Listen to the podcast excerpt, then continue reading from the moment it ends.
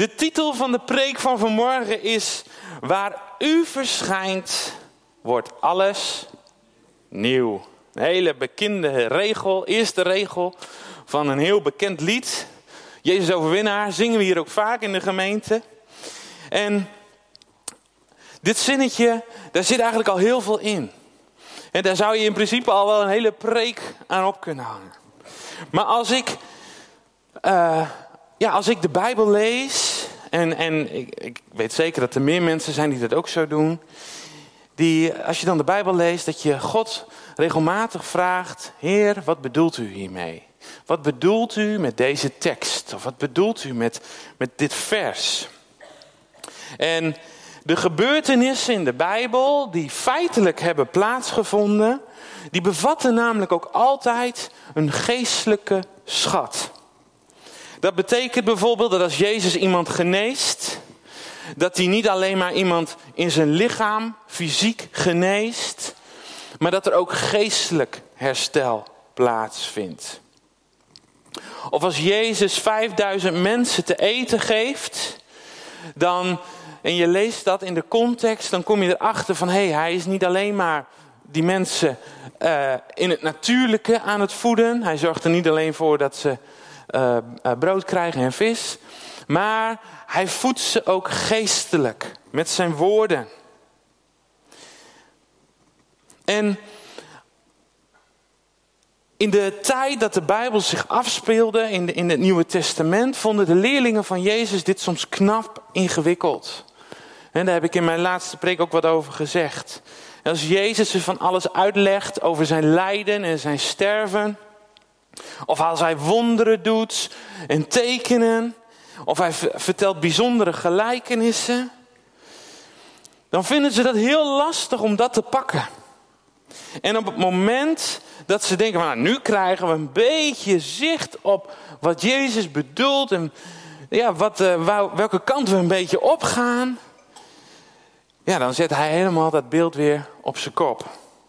Je komt er eigenlijk elke keer weer achter dat Jezus niet te vangen is in jouw brein.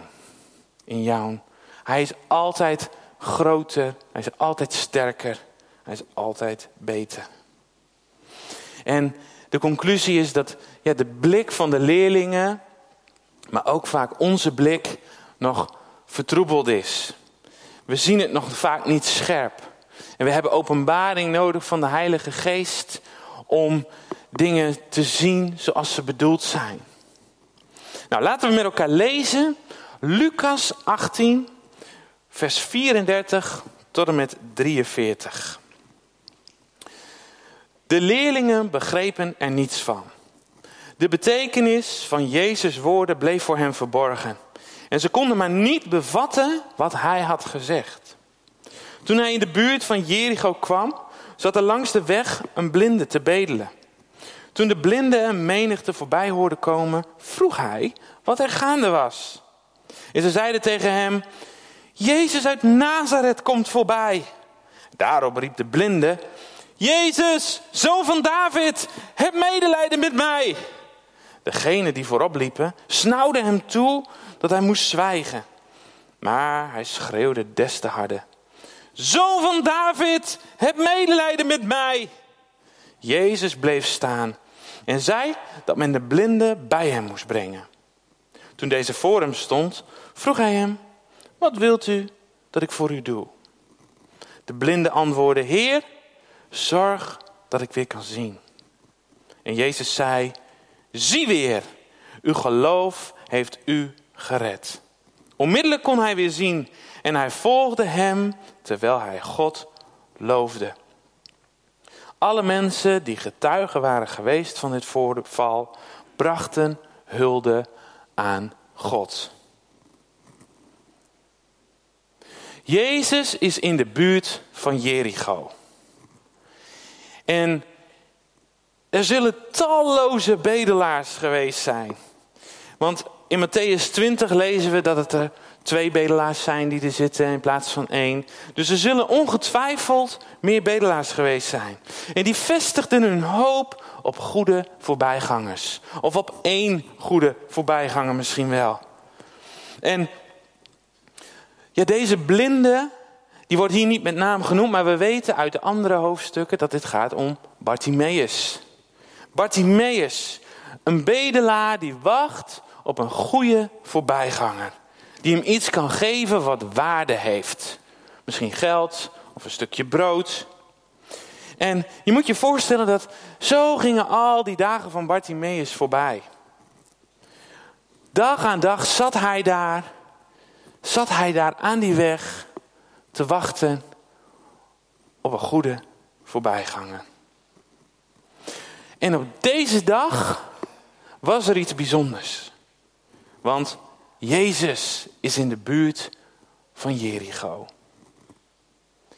En deze gebeurtenis, die in de context speelt hij zich af op ook een bijzonder moment. Want ja, we gaan hier naar een hoogtepunt. Want Jezus die gaat vanuit Jericho op weg naar Jeruzalem. En hij heeft een enorme menigte die met hem meegaat. En in de, in de verhalen daarvoor, daar lezen we ook hoe, hoe hij onderwijs gaf. Hij sprak met gezag. En de mensen waren lyrisch. Want die hadden nog nooit zo iemand horen spreken.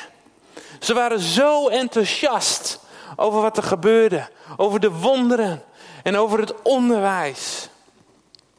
En die menigte, die was vol verwachting.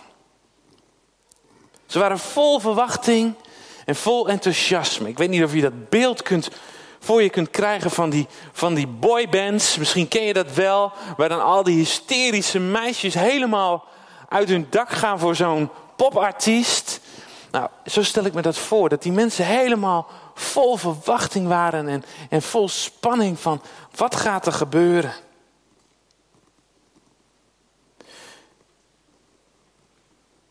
Wat gaat er gebeuren? En wij weten dat Jezus naar Jeruzalem moet.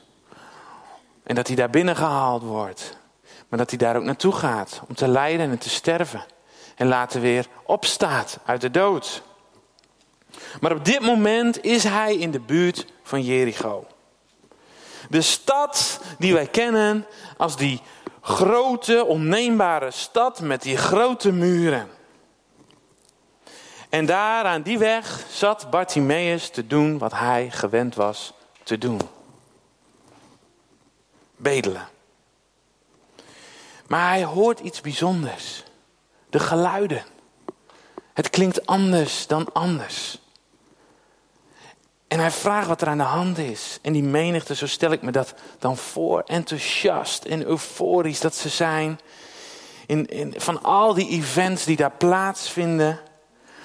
En dan zeggen ze tegen hem: Jezus uit Nazareth komt voorbij. Jezus uit Nazareth komt voorbij. En voor deze groep, voor deze groep was Jezus, Jezus uit Nazareth. En als we het dan hebben over hoe kijk je naar Jezus, hoe, hoe zie je Hem, dan is het wel duidelijk dat deze groep mensen zien Jezus als Jezus uit Nazareth. Het klinkt bijna als een artiestennaam. Jezus uit Nazareth. De populaire rabbi. Nou, hij was toch een rabbi? Ja, hij was een rabbi. Hij kwam toch ook uit Nazareth? Ja, klopt. Hij kwam ook uit Nazareth. Allemaal waar. En toch zien we hier weer hoe mensen proberen Jezus te vangen in hun kade. Hij was Jezus uit Nazareth voor hen. Een bijzondere man, dat was hij zeker. Uit Nazareth. En ze hadden Jezus gehoord. Ze hadden hem gezien. En toch begrepen ze hem niet, zoals we net lazen. De mensen die het dichtst bij hem stonden, begrepen er niks van. Ze konden hem niet zien voor wie hij werkelijk was. De interpretatie klopt niet. Er is geen begrip. En hoe dat soms kan zijn, dat je iemand niet begrijpt of uh, dat je iets zegt, maar dat je daar iets anders mee bedoelt. Terwijl iemand hetzelfde hoort. Nou, zo'n voorbeeld hadden wij laatst bij ons aan tafel. Super grappig. We zaten met ons gezin aan tafel. En Jisse die zei op een gegeven moment... Ik kom de laatste tijd heel moeilijk in slaap. Het lukt me gewoon niet. En Marion die vraagt... Maar hoe kan dat dan? Hoe kan dat nou? En Jisse zegt, ja, dat weet ik eigenlijk niet. Ik heb geen idee. Ik kom gewoon moeilijk in slaap. En ik, als vader en als man in het gezin, kom natuurlijk met een oplossing. Ja, toch? Weet je wat mij altijd helpt om in slaap te komen? Nou komt het hoor.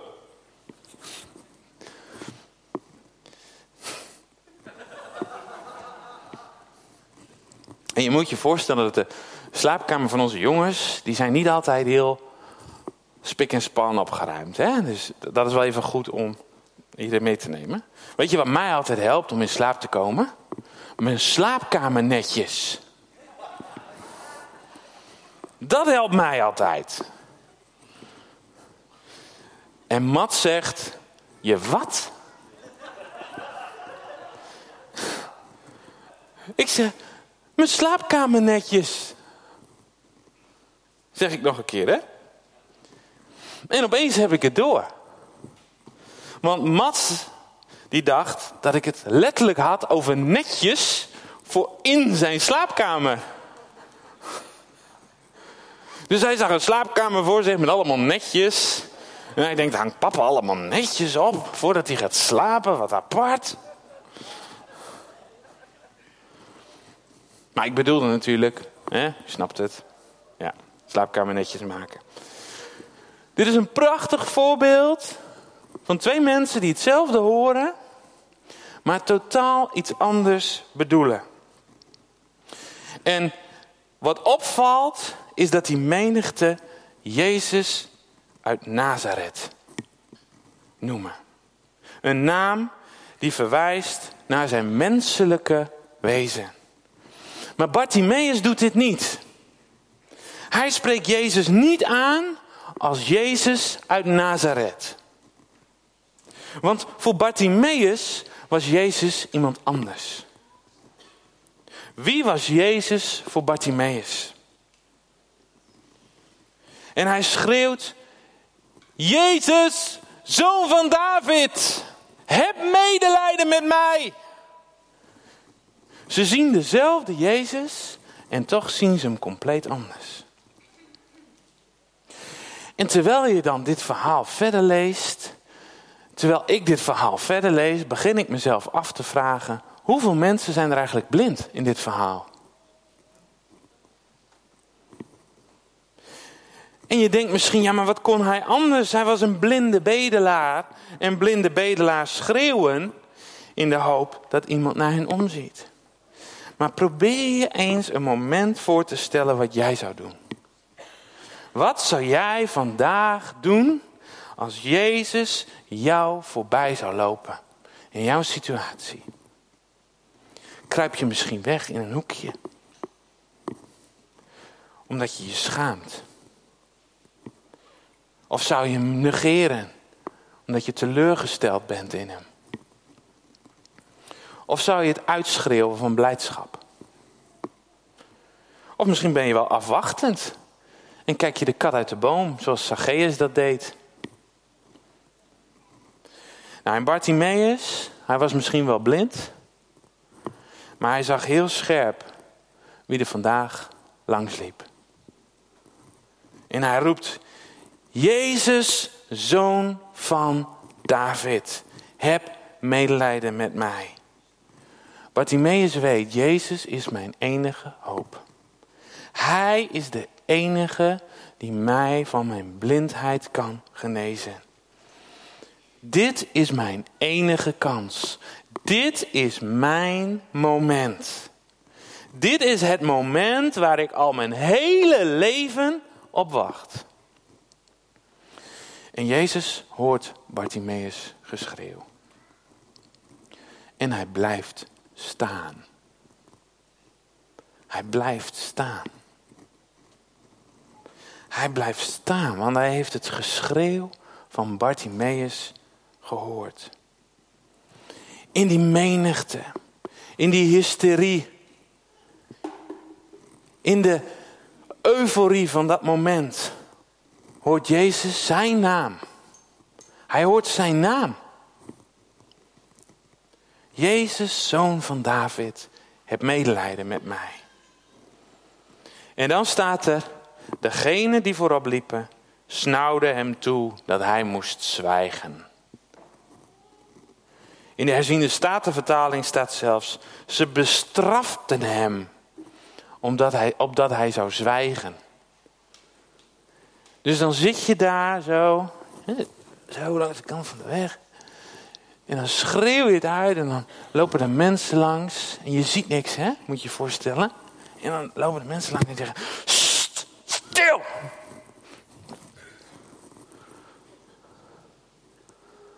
Ja, vernederend. En dat laat mij ook zien dat de mensen die voorop lopen, de mensen die voorop lopen, die zijn soms zo bezig met zichzelf. Ze zijn, of ze zijn bezig met het einddoel.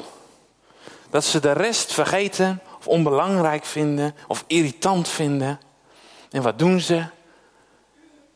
Afleiding. Stil.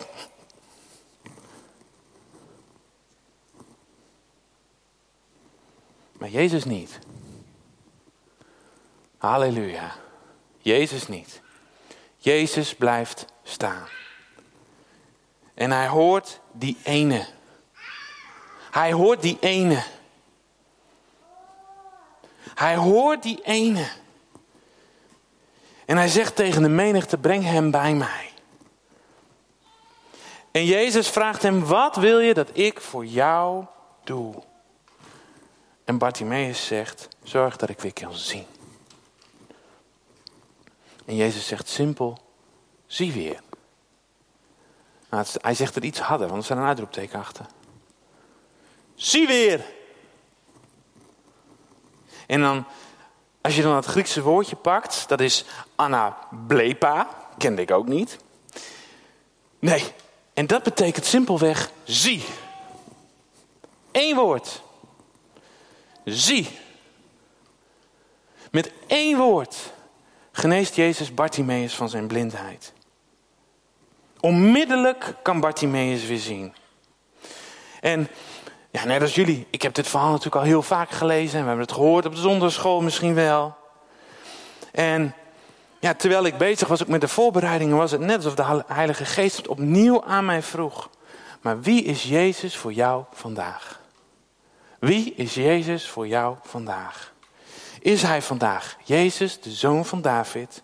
Jouw enige hoop voor je huwelijk, voor je gezin, voor je bedrijf, voor je werk, voor je financiën. Voor je gezondheid.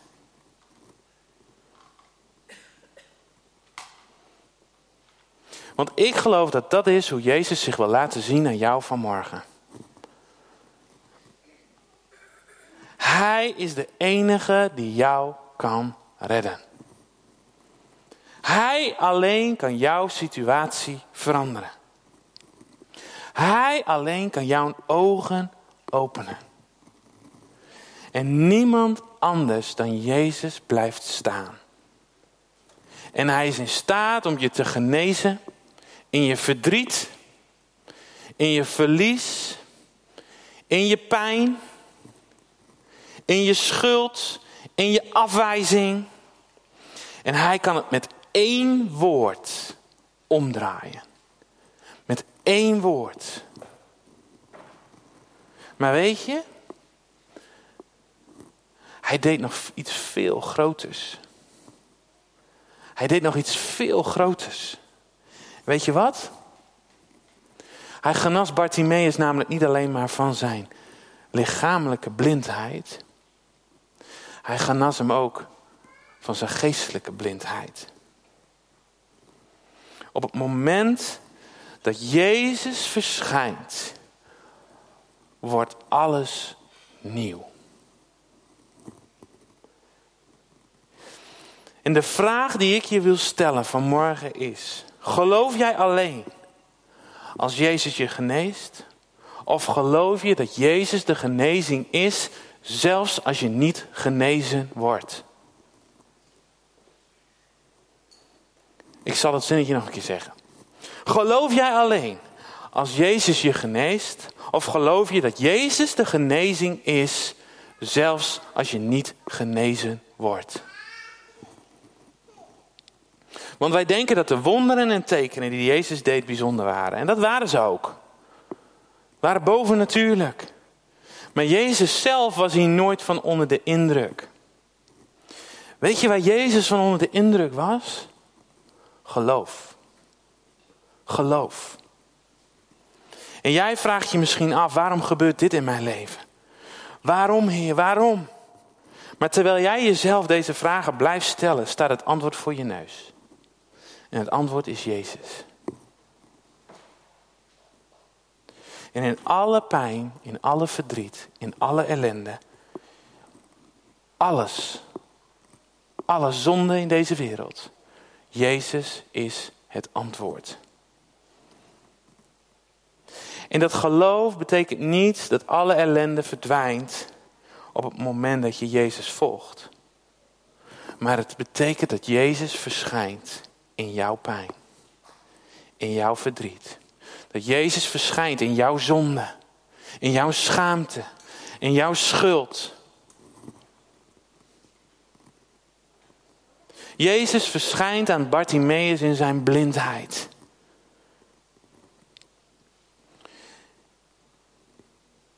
Jezus verschijnt aan Bartimaeus in zijn blindheid. En die openbaring die Bartimaeus ontvangt, die ontvangt hij voordat hij genezen wordt. Die ene zin, Jezus, zoon van David, heb medelijden met mij, trok Jezus zijn aandacht, spitste zijn oren. En dit raakte hem recht in zijn hart. Recht in zijn hart. En daarom bleef hij staan. Die bloedvloeiende vrouw raakte hem aan en Jezus bleef staan en draaide zich om. Zacchaeus zat in de boom en Jezus bleef staan en keek omhoog. Geloof, lieve mensen. Jezus is altijd op zoek naar geloof. Weet je waarom? Geloof is het enige wat je bij Jezus brengt. Als je niet gelooft, kun je niet bij Jezus komen. Geloof is het enige wat je bij Jezus brengt. Geen wonderen, geen werken, geen kerk, geen voorganger. Geloof. Geloof bracht Bartimaeus bij Jezus. En Jezus geneest hem in zijn geest, in zijn ziel en in zijn lichaam.